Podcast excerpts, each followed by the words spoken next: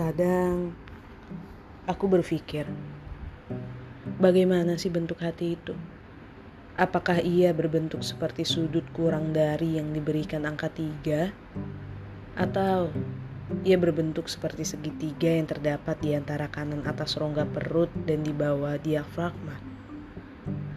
Mungkin jawabannya tidak ada di antara dua pertanyaan yang terdengar seperti pernyataan itu.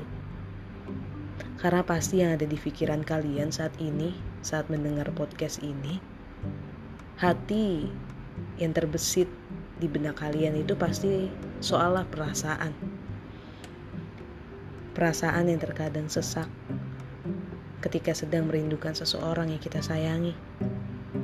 Perasaan yang terkadang terasa nyeri di dalam dada ketika kita melihat tanpa sengaja orang yang kita sayangi atau kita sukai.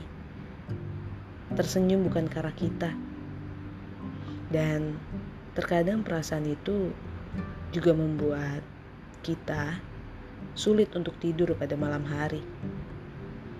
Dikarenakan entah bagaimana dan entah kenapa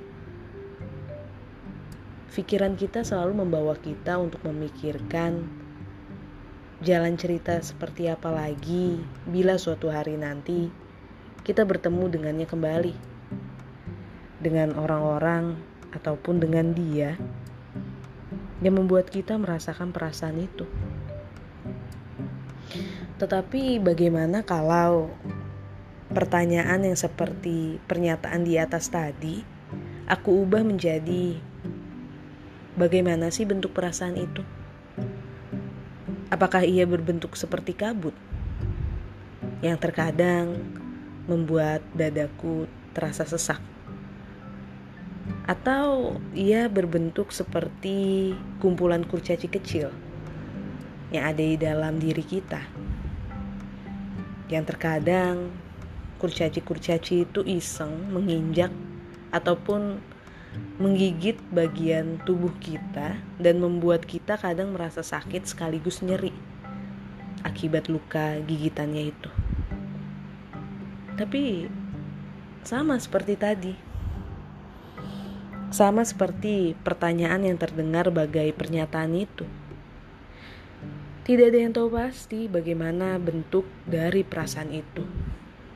Kalaupun kalaupun aku yang diberikan pertanyaan itu dan aku disuruh untuk menjawabnya sekarang, mungkin aku akan menjawabnya seperti ini untuk kalian. Bagiku, perasaan itu seperti lingkaran yang di dalamnya terdapat kita dalam versi kecil. Di sana, kita sedang berlari di dalam lingkaran itu.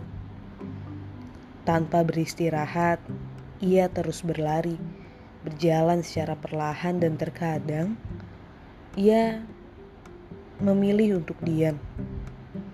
Diamnya tapi bukan karena lelah.